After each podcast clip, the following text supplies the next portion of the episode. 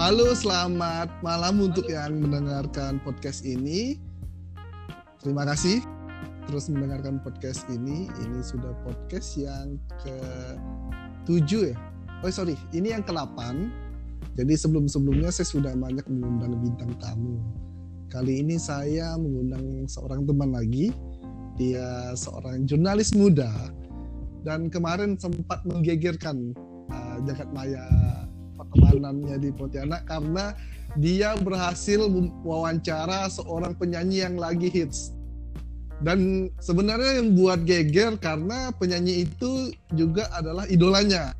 Nah, langsung aja kita tanyain seperti apa rasanya dia wawancara idolanya. Oke, langsung aja kita sambut. Halo Mia. Halo, Pak Beng. Apa kabar nih Mia? Apa ya, bingung juga mau bilang baik-baik lumayan tertekan di rumah terus. Tapi ya dibaik-baikan lah. Oke Mia. Jadi ya buat teman-teman yang dengerin mungkin aku perkenalkan lagi Mia. Mia ini adalah seorang jurnalis muda. Sempat beberapa kali ini udah udah melalang buana lah. Dan Mia ini masih mahasiswa di Fakultas Fisip di ilmu komunikasi ya Mia ya? Iya di Unpad di Untan. Nah, oke. Jadi Mia ini juga adalah teman satu organisasi aku. Terus dia juga mengelola salah satu media namanya Traju. Kemarin juga sempat di Zetizennya Pontianak Post. Gitu ya Mia ya? Iya. Oke. Nah Mia, uh, langsung aja lah kayaknya. Saya memang penasaran nih, meskipun sering ketemu, kemarin tapi belum pernah nih ngomongin soal ini nih. Mia, gimana ceritanya Mia kemarin bisa wawancara Pamungkas Mia? Panjang sih sebenarnya kalau ngomongin prosesnya. Jadi uh, long short story panitia BTF tuh ngajuin itu kan event BTF. Panitia BTF ngajuin media partner terus kita sempat beberapa kali lobby sama panitia minta wawancara besar karena dari Jetizen Pontianak itu memang targetnya harus nggak harus sih target utamanya wawancara bintang tamu e, nasional untuk event ini gitu. untuk naskah utama kan tapi beberapa kali sampai hari H ternyata e, belum dapat tuh kesempatannya sampai akhirnya pas uh, malam di venue uh, sempat di lobby lagi sama fotografer di kantor sampai pas pamungkasnya mau manggung itu saya nunggu di backstage sama kru juga sama-sama dari Jetigen nunggu di backstage katanya diusahakan bakalan dapat kan.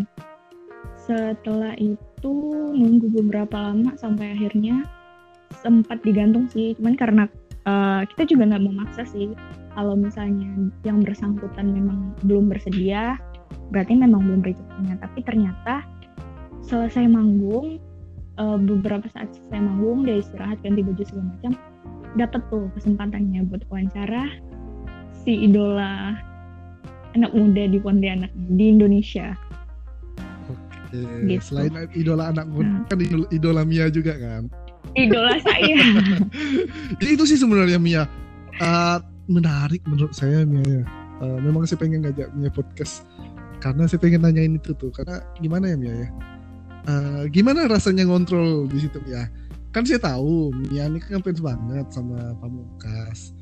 Gimana lah Mia tetap uh -huh. saya ngeliat di foto tuh kayaknya Mia tuh calm, santai. Hmm, parah. Gimana sih Mia nahannya oh, Mia? Jelas. Nahannya tuh Mia. Padahal kan excited banget kan, tapi mesti sebagai oh, sebagai pasti. jurnalis yang profesional kan harus iya kan? calm, harus uh -uh. santai. Gimana Mia caranya Mia?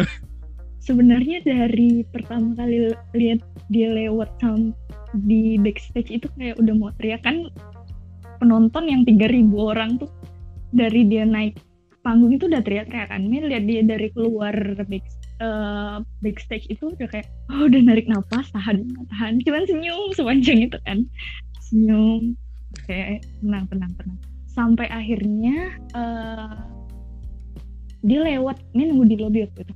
Dia lewat masuk ke lobby cuman lihat senyum gitu kan.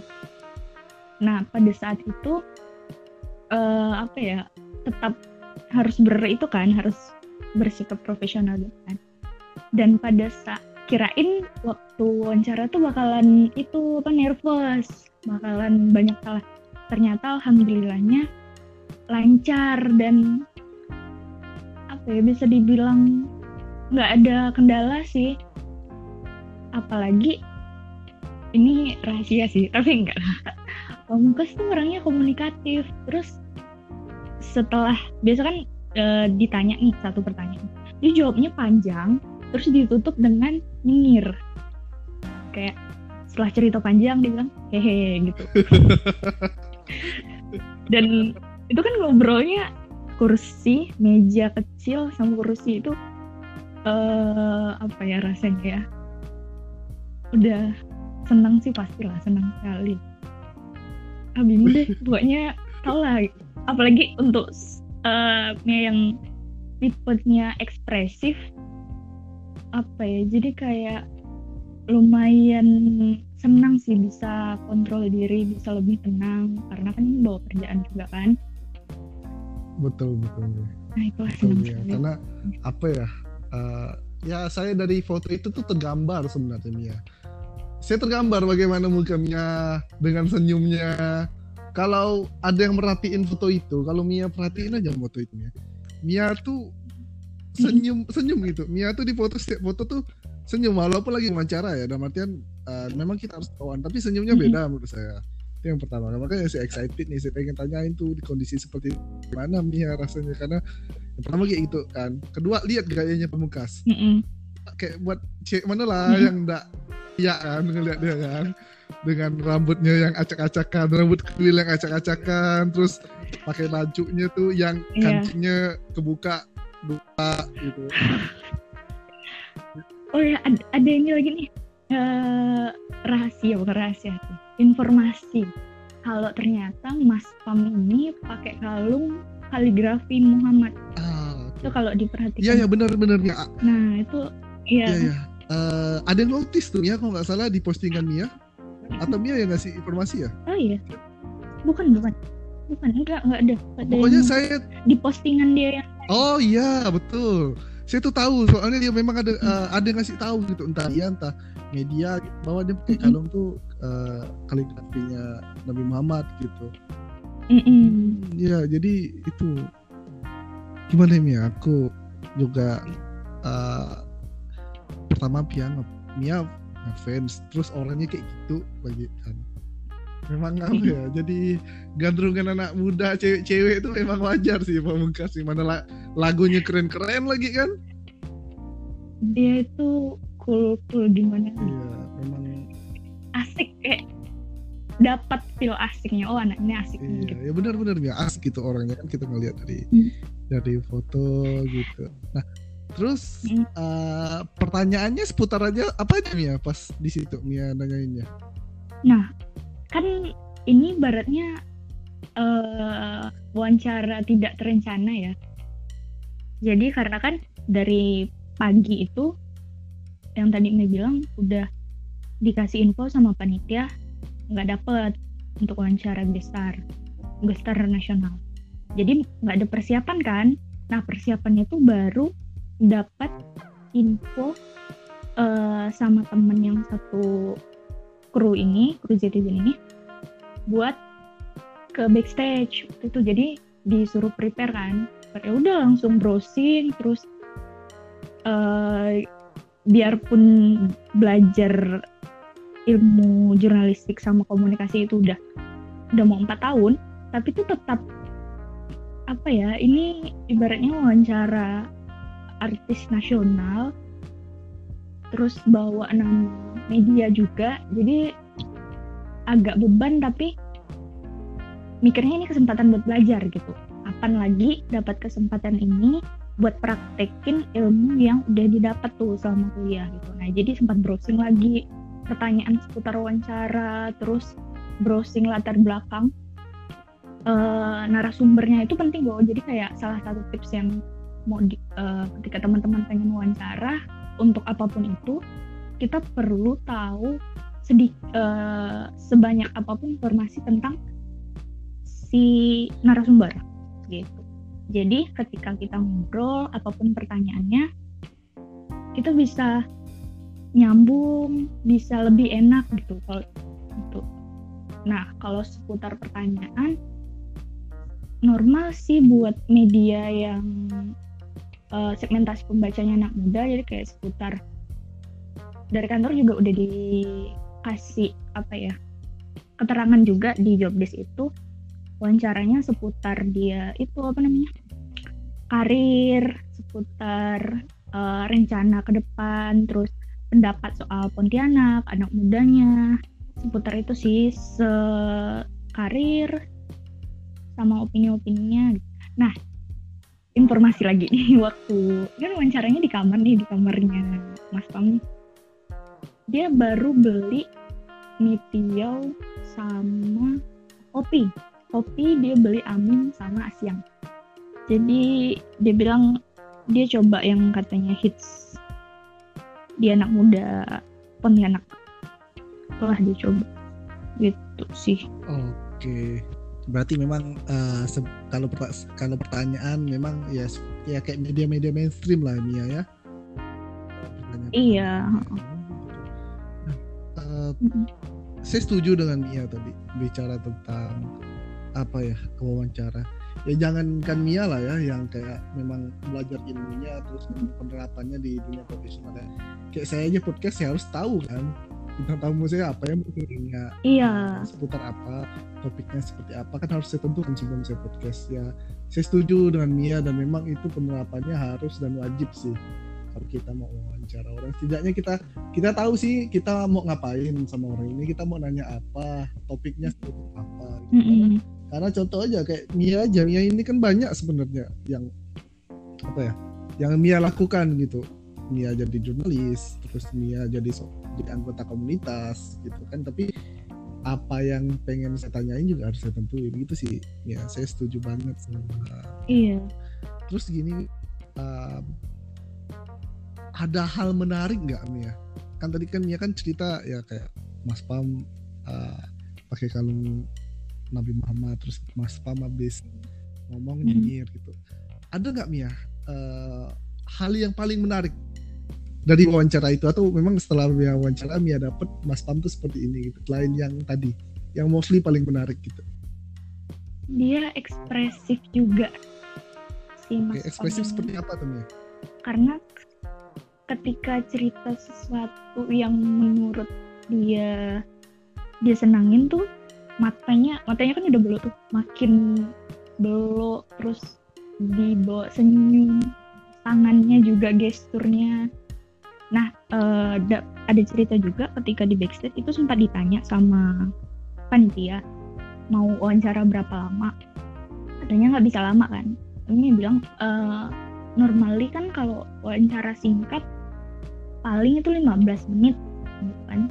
Tergantung narasumbernya juga. Dia bilang ke krunya 15 menit uh, eh, 15 menit maksimal. Tapi ketika eksekusi setengah jam karena Mas Tom ini storyteller sekali orang ceritanya panjang.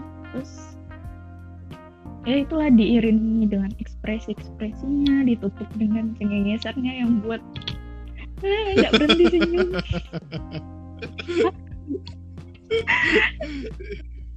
Jadi tuh uh, mikirkan ini nih yang diteriakin sama 3000 orang. Depan muka aku. Itu kan penontonnya kurang lebih Iya, ini jaraknya nggak sampai 2 meter nih. Iya, nggak sampai lah. Sampai ya? tuh ya. Iya. Iya lah, kan kurang lebih gitu. Kalau saya bilang Mia, mungkin itu adalah salah satu pencapaian Mia di dunia jurnalistik ya di masa muda yang oh iya nggak nggak semua orang bisa Mia ini kalau kita jangan compare-nya head to head ya tapi kita, kalau kita coba jabarkan jabarkan hmm. lagi Mia pertama Mia masih muda Mia masih mahasiswa ya kan? Mia uh, kemudian itu idola Mia gitu. Salah satu artis yang Mia suka gitu. Uh, terus memang lagi hits. Kalau kita compare uh, kalau kita jabarkan aja seperti itu berarti memang Mia udah udah mendapatkan sesuatu yang yang apa ya untuk Mia sekarang itu luar biasa ya ya kita bisa lihat lah ya uh, betapa irinya hmm. para teman-teman di Instagram tuh. Rame. Itu like-nya sampai 600 nggak per like 600 like like 600 reach-nya mau 2000 yang kok yang komen berapa ya yang komen berapa? 50-an 50-an ya. Luar biasa itu impressionnya udah 2000 hmm. terus yang share itu ada 9 ini siapa nih yang siapa nih yang gosip nih? Pasti ada yang gosip tuh pasti pasti ada yang gosip. Aduh diomongin kayak gimana nih? Tapi itu prosesnya beneran panjang sih. Kayak sampai jam setengah satu baru dapat wawancaranya dan oh semalam itu ya Mia ya? Iya karena nunggu dia dia tur, uh, turun panggung kan? Jam berapa ya? jam sebelas okay. Jam sebelas lewat terus dia masuk ke hotel diberes-beres apa segala macam dan baru dikonfirmasi bisa langsung diwawancara itu jam sekitar jam jam uh, hotelnya hotel Grand Makota nih ya Iya. Oh, berarti dia nginep di Grand Makota juga ya? Mm -mm. Uh, iya. Itu prosesnya panjang sih. Oh, sorry, potong. Jadi uh, memang nggak semudah kayak oh bisa nih wawancara langsung. Enggak, ini masih digantung dulu ini bisa atau enggak. Jadi alhamdulillahnya dapat biarpun harus nunggu sampai malam itu kayak it's okay that's totally okay terbayang bisa sambil prepare kan ya karena dari sepanjang di backstage itu udah udah prepare udah catat-catat pertanyaan baca-baca artikel tentang yang bersangkutan ini terus baca tips wawancara apa segala macam nonton-nonton video wawancara. Jadi persiapannya memang cukup mendadak sama yang paling apa ya dibanggakan dari diri sendiri itu bi lumayan bisa ngontrol sih.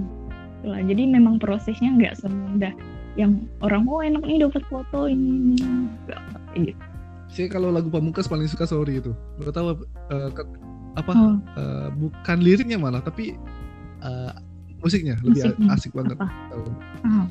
Memang sebenarnya Pamungkas tuh kekuatannya di musik kalau saya bilang ya.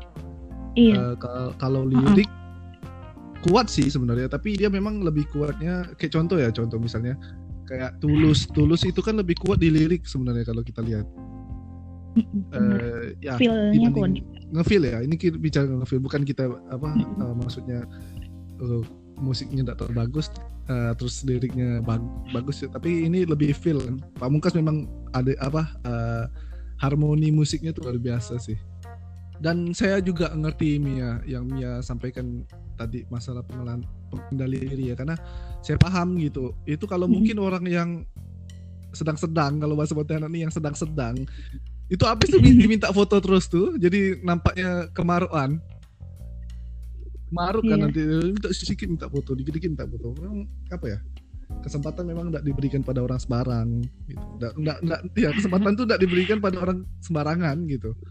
Ya Mia dikasih kesempatan itu ya memang Mia bisa bisa memanfaatkan kesempatan itu dengan baik dan menjaga kesempatan itu sih kalau saya lihat sih seperti itu juga Mia tapi kalau nonton di depan panggung tetap teriak-teriak juga iya kan sih. beda kan beda beda pembawaan kan?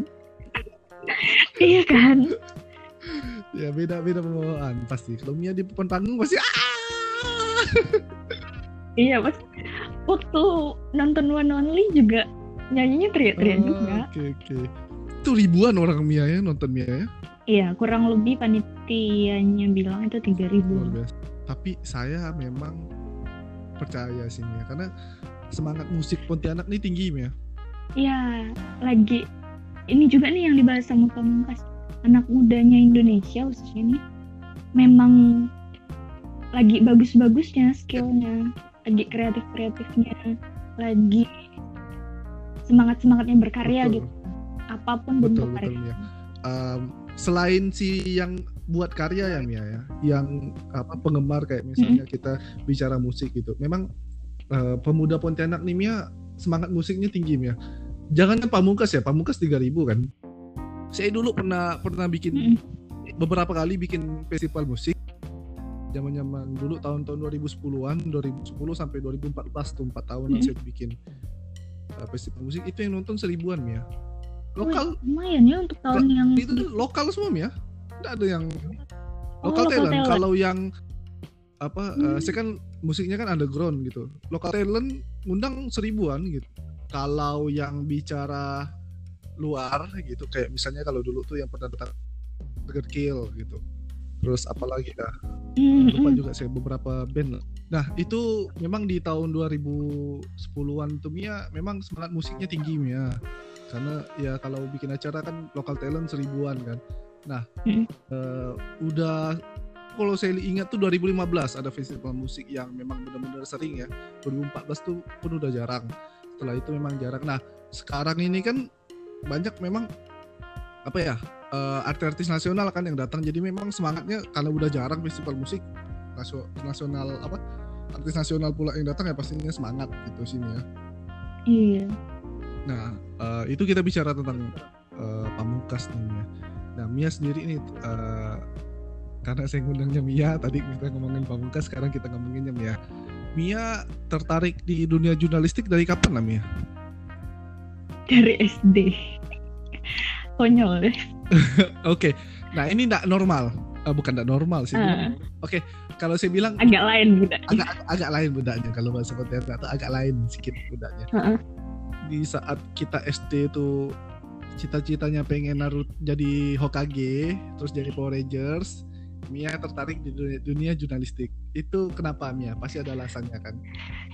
Nah jadi ceritanya dulu waktu SD itu suka nonton TV kan? Pagi ter, uh, interestnya waktu lihat reporter liputan lebaran dengan keadaan macet macet-macetnya mudik. Terus tepi jalan ribut kayak seru kayaknya jadi reporter ngelaporin mudik. Nah terus ini cerita dari orang tua sih. Kalau pernah baca di buku SD Mia buku tulis itu ditulis cita-citanya reporter. Tahu nih anak ini anak kecil random sekali waktu ketika teman-temannya yang lain mau jadi dokter mau jadi polisi mau jadi hokage dia mau jadi reporter aneh-aneh. Tapi habis itu lupa ya kayak ya udah buat apa sih? Kayak nggak biasa lah anak-anak kan ganti-ganti cita-cita mau jadi pelukis mau jadi ilmuwan gitu lah okay. nah set abis SD itu udah lupa kan sama cita-citanya mau masuk kuliah nih. Masuk kuliah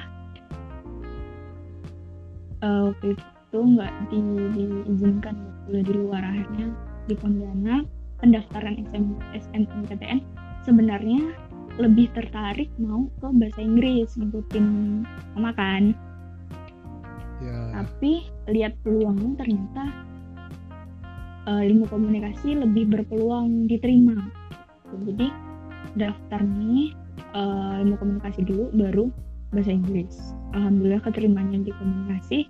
Nah, waktu kuliah ternyata ada penjurusan konsentrasi jurnalistik sama hubungan masyarakat. Padahal waktu semester 1 itu pengen sekali masuk PR atau humas itu. Sampai beli bukunya apa segala macam. Eh, pas masuk semester 3 ketemu mata kuliah dasar jurnalistik, nah kok seru gitu. Nulis, uh, liputan jalan-jalan yang mana suka jalan-jalan kan? Ketemu orang baru. Terus kayak eh banyak sih uh, yang sesuai dengan tugas di ilmu jurnalistik sama kesukaan pribadi. Oh asik nih kayaknya. Akhirnya waktu konsen pemilihan konsentrasi semester 5 join di jurnalistik Nah di kampus yang jurnalistik itu dikit, nggak pernah setengah dari mahasiswanya ya kan biasa satu kelas itu mau 50 60 gitu. di angkatannya itu anak jurnalistiknya cuma 20-an. Jadi memang kebanyakan menganggap kalau di jurnalistik itu capek, liputan lapangan panas, tugasnya nggak berhenti berhenti, segala macam dan lain-lain. Tapi karena memang suka, memang milih sendiri, jadi bertanggung jawab lah atas pilihan itu. Di, dinikmati juga sih. Dan yang paling berkesan itu waktu tugas in-depth reporting buat majalah sama teman-teman sekelas temanya sama eh tem oh ya uh, genre majalahnya sama tiap minggunya. Terus di rolling ada yang jadi editor ada yang jadi layouter gantian. Pokoknya semuanya dapat tugas jadi tim red itu jadi kayak salah satu bekal juga sih buat akhirnya memutuskan untuk lanjut uh, untuk coba lagi ke prakteknya di luar pembelajaran di kampus. Gitu. Oke, jadi saya bisa pahami Mia, memang apa ya? Tapi gini Mia, uh, kalau Mia kan tadi bicara tentang bahwa di kelas itu memang sedikit kan yang milih jurnalistik. Mm-hmm. Tapi jurnalistik itu adalah ilmu yang penerapannya sangat-sangat relevan dengan dunia zaman sekarang gitu. Kita bicaranya sekarang oh, bukan, bukan cuma sekarang ya dari beberapa tahun yang lalu youtuber gitu misalnya. Mm-hmm. Itu kan kerjaan jurnalistik gitu. Terus kayak ya sekarang nih lagi in uh, beberapa ya, dari beberapa tahun podcast kayak gini juga. Ini kan sebenarnya penerapan penerapan jurnalistik juga nih Iya, mengumpulkan informasi iya, kan. Iya benar. Jadi memang uh, itu sih ya. Uh, Mia punya cita-cita SD saya nggak nyangka juga, tapi memang gimana ya? Memang berarti dari kecil kepengen uh, terus uh, di pas kuliah timbul lagi. Terus Mia juga memang lingkungan juga lumayan ini ya Mia, mendukung kan. Dalam artian lingkungan mendukung juga sumber daya juga di sekitar lumayan bagus kan. Iya tempat belajarnya ada. Gitu. iya tempat belajarnya ada gitu. Terus uh, ipar sepupu juga jurnalis kan. Nah beliau juga dari awal tuh udah uh, apa ya udah bilang uh, ini tulisannya bisa gimana ya? Udah oke okay, udah cukup oke okay buat dikembangkan lagi bisa berpeluang lah gitu berpotensi. Jadi makin semangat dong uh, sering dibilang kayak gitu. Jadi akhirnya salah satu acuan eh pacuan juga ya itu sih ketika lingkungan suportif terus media ataupun tempat belajar tempat praktek ilmu yang udah dapat di kuliah itunya. Ada kesempatan yang dikasih. Nah itu kombinasi yang ya alhamdulillah bisa mengantarkan sampai kayak gini. Oke Mia. Uh, tapi memang beliau tuh Mia uh, kita nih jadi buat yang dengar kami lagi juga ngomongin tadi tuh ngomongin uh, Kak Nur Iskandar atau Pak Nur iya. Iskandar. Jadi beliau juga pembina kami di apa organisasi tapi memang beliau apa ya Mia pengaruhnya kuat sih Mia uh, saya yang ndak ndak ndak tahu apa apa tentang dunia jurnalistik yang ndak tahu juga terkena terkena ini terkena apa pengaruhnya beliau gitu hmm. yang saya nggak pernah yang jarang suka baca nggak pernah nulis akhirnya nulis gitu. Dan sekarang saya buat podcast uh, sedikit banyak. Ini memang juga ya pengaruh sama beliau. Wawancara wawancara senang juga lihat orang wawancara akhirnya memang apa ya uh, ya seperti ini penerapan ilmu-ilmu jurnalistik kan saya juga terapin gitu. Memang beliau lumayan lah. Maksudnya apa kan berpengaruh kan, ya pengaruh beliau ya, mungkin berpengaruh Mia, Mia terasa lah kan orang dekatnya iya. kan orang dalam ya orang dalam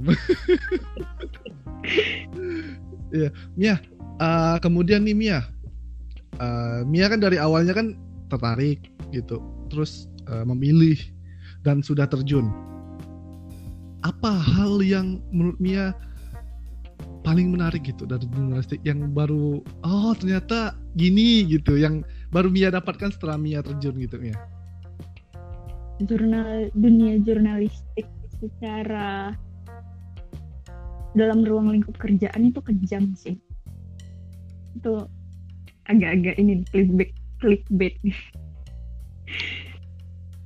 Tapi memang uh, karena media ini kan kalau nggak bisa ikutin zaman sama nggak dapat masanya itu bisa bisa kalah sama entah media lain atau orang-orang yang berpengaruh karena sekarang masyarakat ini lebih tertarik sama yang agak uh, memang sih manusia konsepnya lebih tertarik sama sesuatu yang bermasalah gitu. Tapi ketika uh, kita hadirkan jurnalisme positif atau berita-berita baik itu belum apa ya belum belum kayak sama kayak ketika kita nge, uh, nge-up berita negatif ataupun sesuatu yang menghebohkan.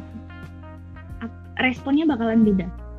Secara pribadi lah kalau kita dapat message bad news dari teman gitu bakalan oh kenapa nih kenapa nih? Gitu. Rasa ingin tahunya lebih tinggi ketika dapat good news. Itu kayak oh gitu. Nah responnya agak netral gitu agak, uh, ya agak biasa aja. Rasa ingin tahunya standar lah. Nah maka dari itu ketika para jurnalis ini menghadirkan jurnalisme positif atau berita-berita baik itu masih apa ya masih kurang diapresiasi sama masyarakat. Jadi uh, ada sih banyak media yang awalnya uh, menetapkan kalau mereka ini konsepnya jurnalisme positif. Tapi ketika mereka baca pasar oh ternyata pasarnya lebih banyak yang dilirik ketika menghadirkan bad news. Karena di jurnalistik itu ada istilah good news is a bad news. Eh bad news is a good news. Nah mengapa dibilang kejam? Karena ya itu ketika kita punya idealisme yang baik nih kita pengen menyampaikan sesuatu yang positif tapi ternyata responnya kurang dari uh, masyarakatnya dari publiknya tapi kayaknya makin ke sini semoga sih pembaca atau masyarakat ini makin pintar makin bisa milih makin bisa kritis sama media-media yang bisa mereka percaya. Karena kan makin tahun kayaknya hoax ini makin merajalela kan. Tapi syukurnya ada banyak uh, platform banyak komunitas ataupun banyaklah pejuang anti hoax gitu yang akhirnya menggiring pembaca buat lebih kritis memilih sumber bacaan, memilih uh, referensi berita ataupun referensi informasi mereka. Jadi yang paling apa ya? Tapi memang dari awal pun udah bisa paham sih dalam ruang lingkup kerjaan jurnalistik ini lebih ke kerjaan laki-laki secara di lapangan. Karena kan uh, liputan misalnya liputan konflik ataupun sesuatu yang mendadak misalnya bencana apa segala macam itu kadang belum terlalu aman buat perempuan. Pernah waktu itu uh, ini masih mahasiswa ya yang ada konflik di Pontianak ada teman ngajak uh, liputan di jembatan tol itu yang sempat dibakar ban apa segala macam. Ngajak liputan terus pengen sih tapi takut kan. Masih takut masih mahasiswa masih belum pegang ID card. Jadi kayak itu juga sih. Uh, masih belum yakin nah. Si temen turun temennya cowok temannya cowok jadi dia turun akhirnya selesai dia cerita ada kamera yang dirampas terus apa lagi ya? Perempuan juga dia nggak ada lihat jurnalis perempuan. Pada saat dia datang mungkin ada tapi pas dia datang uh, udah bubar atau apa segala macam gitu. Jadi kayak masih belum terlalu aman dan terlalu ramah buat perempuan. Sampai ada kejadian dirampas ini ya? Apa? Kamera ya? Yang di tol itu mm -mm. itu menurut teman sih ada oh, oke okay. ya yeah. jadi banyak juga kan kalau misalnya dicari di pemberitaan uh, pelecehan terhadap wartawan perempuan atau segala macam itu sih yang harusnya lebih ditingkatkan di masyarakat kepedulian uh, saya paham juga sih apa yang memang Mia khawatirkan gitu dan memang apa yang Mia sampaikan tadi hmm. karena memang apa ya saya kan sedikit banyak juga tahu lah tentang bagaimana uh, reporter di lapangan karena juga uh, kayak Iskandar juga pernah ngajak saya gitu uh, pas ada ribut kalau Mia dulu ingat ada hmm. penembakan di Tanjung Raya satu oleh polisi terhadap maling tuh uh, itu kan dulu ribut tuh beliau ngajak saya turun juga. Saya tahu sih kondisinya seperti apa. Mencekam apalagi untuk wanita tuh saya tahu tuh pasti kacau. Iya kan? Iya kan? Kita tahu dunia, dunia jurnalistik itu luas. Dan sekarang memang jurnalistik mulai digandrungi nih sama anak muda terutama salah satu tokoh nasional yang mewakili sangat mewakili jurnalistik tuh Najwa Shihab kan kita lihat kan beliau mm -hmm. pengaruhnya seperti apa di zaman sekarang gitu. Uh, terus Mia lagi nih Mia, uh, Mia sebagai anak muda melihat uh, jurnalis itu seperti apa ke depannya gitu mas. Jurnalistik uh, Mia sebagai anak muda melihat jurnalistik itu seperti apa sih ke depannya? Apakah memang Mia merasa bahwa jalan yang Mia pilih ini memang bakalan terang ke depannya atau memang Mia malah melihat hal yang sebaliknya gitu Mia? Jadi waktu kuliah masih kuliah sih. Dari bangku kuliah tuh udah banyak yang ngomong kalau kalau mau mau kaya tuh jangan jadi jurnalis, jangan jadi wartawan. Kalau mau kaya kaya secara materi dan finansial ya.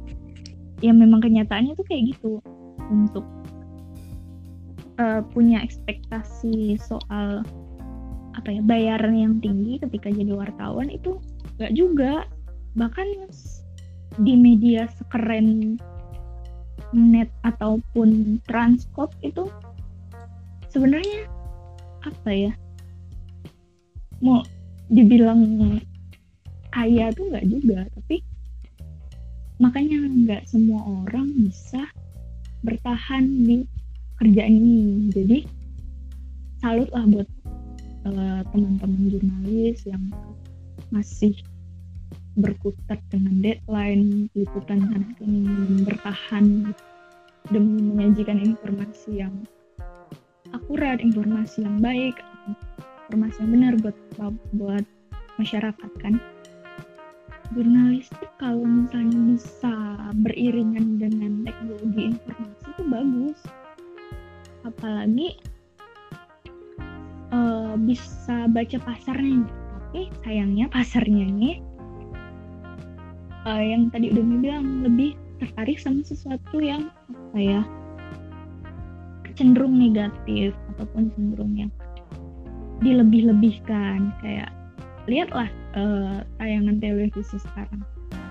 Bahkan yang sebagus dan seberkualitas net TV pun dikabarkan uh, lagi clash lagi bermasalah dengan keuangan karena memang kualitasnya ada nih gitu nih. Sumber dayanya bagus dan segala macam. Tapi uh, publiknya masyarakatnya masih belum masuk di inovasi-inovasi itu. Penonton net itu banyak uh, itu asumsi sih tapi uh, targetnya kan milenial nih uh, net nih tapi ternyata millennials itu kalau menurut uh, Mia pribadi lebih suka nonton YouTube daripada nonton TV. betul, Benar betul. kan? Ya tanya lah teman-teman sekitar uh, berapa jam nonton TV. Udah jarang. Saya kan, hari ini kan? cuma nonton TV ngelihat Hmm. azan maghrib ya Mia. ya enggak nonton TV, nonton YouTube. Jadi, eh, nah ketika bisa beriringan kayak Najwa Shihab, dia masih nih berkutat di jurnalistik, tapi dia masuk ke eh, YouTube, masuk ke Instagram, dia masuk, dia menyesuaikan sama teknologi informasi yang mulai berkembang. Dia sajikan konten-konten jurnalistik yang informatif, yang ada kelasnya masing-masing kan banyak tuh di narasi iya, TV kan. Banyak segmen eh, bukan, banyak apa ya pilihan-pilihan tontonannya tontonannya. Ada yang entah itu musik informasi anak muda apa segala macam. Nah yang kayak gitu tuh yang menurutnya bisa berkembang nantinya yang pas yang bisa bas- baca pasar yang bisa ngikutin perkembangan. Oke, eh, saya juga apa eh, setuju yang Mia sampaikan tadi karena kalau Mia tahu Iman Sapei itu sampai mundur dari asumsi Mia. Udah tahu belum? Iman Siapa Sapei tahu nggak? Iman Syafi'inya tahu tapi dia Ah. mundur tuh belum tahu kapan Oh, udah, baru udah, ya udah beberapa waktu yang lalu lah Mia. Kayaknya sih baru-baru. Oh. Dia tuh karena merasa bahwa dia kan seorang konsultan, konsultan branding. Eh, terus dia eh, mendirikan media gitu. Dia tuh konsultan branding yang handle politikus juga gitu. Jadi dia merasa bahwa selama ada dia di asumsi berat gitu. Membuat asumsi Mhm. tetap menjadi media yang berimbang. Net media netral sih nggak ada katanya. Nggak ada media netral katanya. Media tuh harus iya media tuh harus berpihak harus berpihak pada yang benar nah gitu Uh, Mm-mm. jadi akhirnya dia putuskan untuk mundur Mia supaya asumsi memang tetap bisa mempertanggungjawabkan konten-kontennya supaya tidak ada lagi iming-iming. Uh, bahwa kalau katanya susah kalau memang di struktural ada orang yang kayak saya katanya. Ada sih itu dibahas kemarin kayak gitu. sampai kayak gitu sih dia bahasnya. Iya karena idealisme idealisme itu apa ya? Mau dibilang omong kosong juga bisa ketika misalnya nih saya em, ya punya idealisme pengen buat media yang netral yang positif yang cuma nebarin berita baik yang bla bla bla bla bla.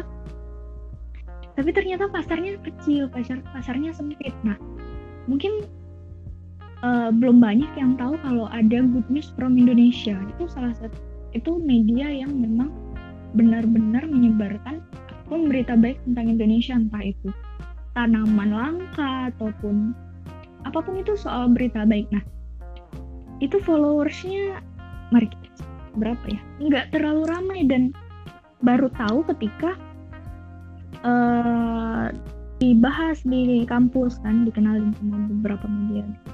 Oh ternyata ada nih. Memang punya pendirian memang punya idealisme tentang good news tapi ya resikonya pasarnya sempit. Pasarnya nggak terlalu luas nih. Followers good news gen FI di Indonesia di Instagram itu 412k cuman 412 Ya. ya. Kalah dong sama influencer yang udah centang biru udah MM padahal kontennya bagus-bagus semua kayak sangat informatif tapi ya itulah. Iya itulah resikonya. Ya betul betul Mia. Oke Mia, kita udah ngobrol sekitar 45 menitan nih Mia. Hmm, ya mungkin uh, dari Mia nih Mia, pesan buat teman-teman, terutama anak muda, karena kita tahu nih dunia jurnalistik nggak jauh-jauh dari dunia literasi Mia. Uh, Mm. mungkin Mia punya beberapa apa ya pengalaman perasaan seperti yang Mia sampaikan tadi terhadap jurnalistik. Sekarang nih kalau kita bicara jurnalistik lumayan kacau kan. Sosial media orang bisa nge-share apa pun gitu. Jadi mungkin Mia ada pesan Mia untuk teman-teman kita terutama anak muda. Uh, oh ya lebih kritis lagi sih milih bacaan terus ketika dapat satu informasi itu jangan uh, cuman lihat oh nih dapat dari media A eh ternyata medianya media apa media abu-abu gitu. Kan banyak kan biasa terus uh, kalau bisa ini agak susah sih ketika dapat informasi di grup grup chat bisa grup keluarga gitu sih ada informasi yang uh, bisa dibilang hoax ataupun informasi yang agak-agak nyeleneh.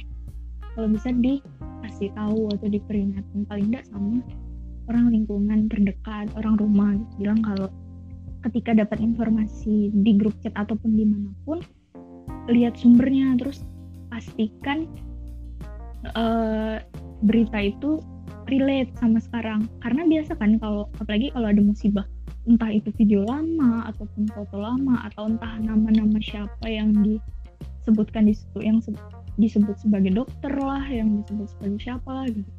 Yang ternyata itu ngasal gitu. Makanya ketika kita dapat informasi biasa kan buat recheck. Kita cek lagi ini benar gak informasinya? Cari lagi di Google kalau dapat da, udah ada dapat informasi yang sama dengan dari media mainstream atau media yang kredibel ya silahkan disebar tapi kalau usahakan sih menyebarkan berita baik aja gitu terus manfaatkan sesuatu yang di sekitar misalnya media sosial nah kalau saya pribadi itu kalau di medsos sendiri uh, lebih baik nggak post apa-apa daripada ngepost sesuatu yang nggak bisa kasih manfaat bagi orang. Nah itu kan salah satu praktek jurnalistik sederhana ya ketika kita menyebarkan sesuatu informasi belum disebut berita informasi yang bisa kasih manfaat sama orang. Misalkan kita ngepost lagi makan di luar kita kasih tau lah ini di lokasinya di sini entah rasanya gimana. Gitu. Jadi ada informasi nih dari apa pun yang kita unggah di media sosial. Tapi itu balik lagi ke pribadi masing-masing. Ini kan salah satu langkah kecil, langkah sederhana buat melakukan hal-hal positif. Seperti itu. Oke, Mia. Gini ya rasanya wawancara reporter ya, wawancara orang yang biasa wawancara ya. Banyak omong.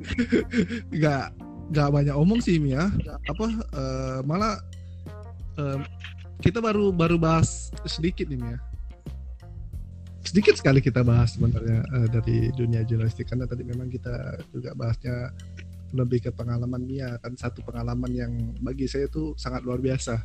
Saya terinspirasi saya terinspirasi juga Mia karena Mia udah bisa wawancara pemungkas gitu. Nah gitu Mia.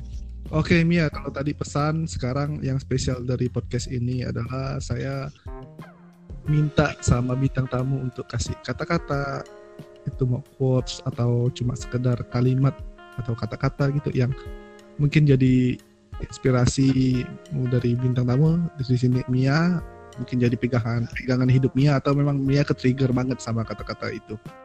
Silahkan Mia. Hmm. ini kalimat sih kalimat yang ditulis waktu capek ngerjain apa pun. Waktu itu ini behind the scene-nya. Jadi nulis kalimat ini ketika merasa tertekan semuanya entah itu urusan uh, kerjaan tugas kuliah urusan pribadi dan segala macam.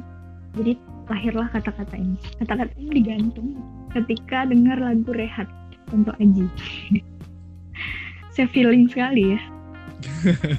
Jadi kata-katanya begini nggak apa-apa yang namanya belajar mah emang ada efek capeknya. Jangan lupa istirahat tapi jangan kelamaan. Ada banyak yang harus dipertanggungjawabkan. Yuk lanjut yuk. Gitu. Itu sih. Tapi keren tuh ya mantap mantap. Kalau apa ya kalau kita buat uh, kita translatekan ke bahasa Inggris lebih simpel itu kalau saya bisa jawab, uh, bisa persimpel itu adalah have a break but never quit. Hmm, uh, singkatnya gitu ya. Iya, singkatnya gitu. Oke, okay, Mia. Uh, sebenarnya masih ada beberapa hal yang saya pengen tanyakan lagi, cuman memang terkait waktu ya kita juga sampai larut malam nih.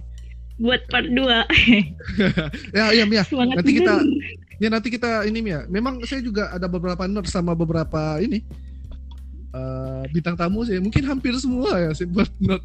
Nanti kita sharing lagi saya bilang karena memang banyak hal yang baru saya dapat gitu. Kayak Mia juga beberapa hal baru saya dapat tadi di wawancara ini. Jadi sebelum wawancara kan saya cuma bayangannya kan beberapa gitu. Tapi setelah wawancara ada beberapa hal yang kayaknya mesti saya bahas lagi gitu. Memang Mia juga kayaknya perlu kita bahas lagi sih Mia. Gitu sih Mia. Oke. Nah, jadi eh, apa pun yang disampaikan tadi itu berdasarkan yang udah dialamin. Jadi agak minder sih ketika diwawancara sebagai jurnalis karena kan memang baru berkecimpung di situ.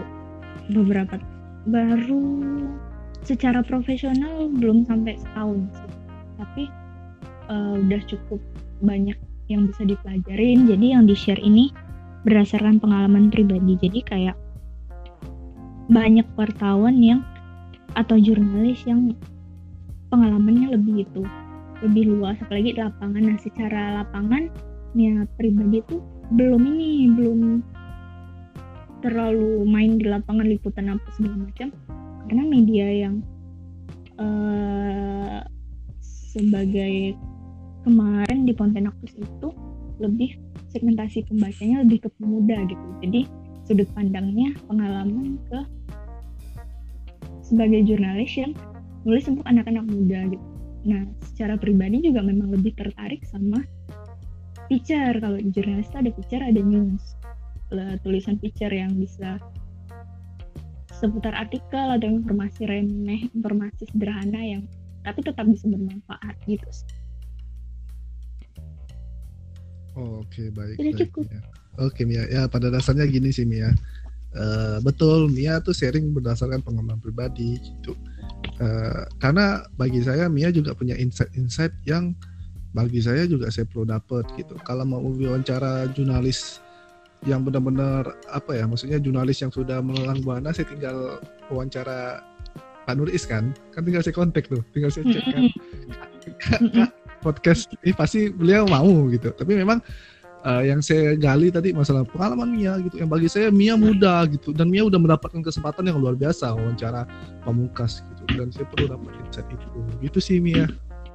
Oke Mia, makasih ya Mia udah banyak sharing di podcast saya. Terima kasih. Semoga bisa memberikan informasi buat teman-teman. Harapannya juga Hmm. bisa memotivasi dan memberikan semangat pada teman-teman yang mendengar podcast ini. Sekali lagi, makasih ya Mia. Bang. Makasih Yo, kesempatan Mia. berbagi. Semoga bermanfaat. Ya.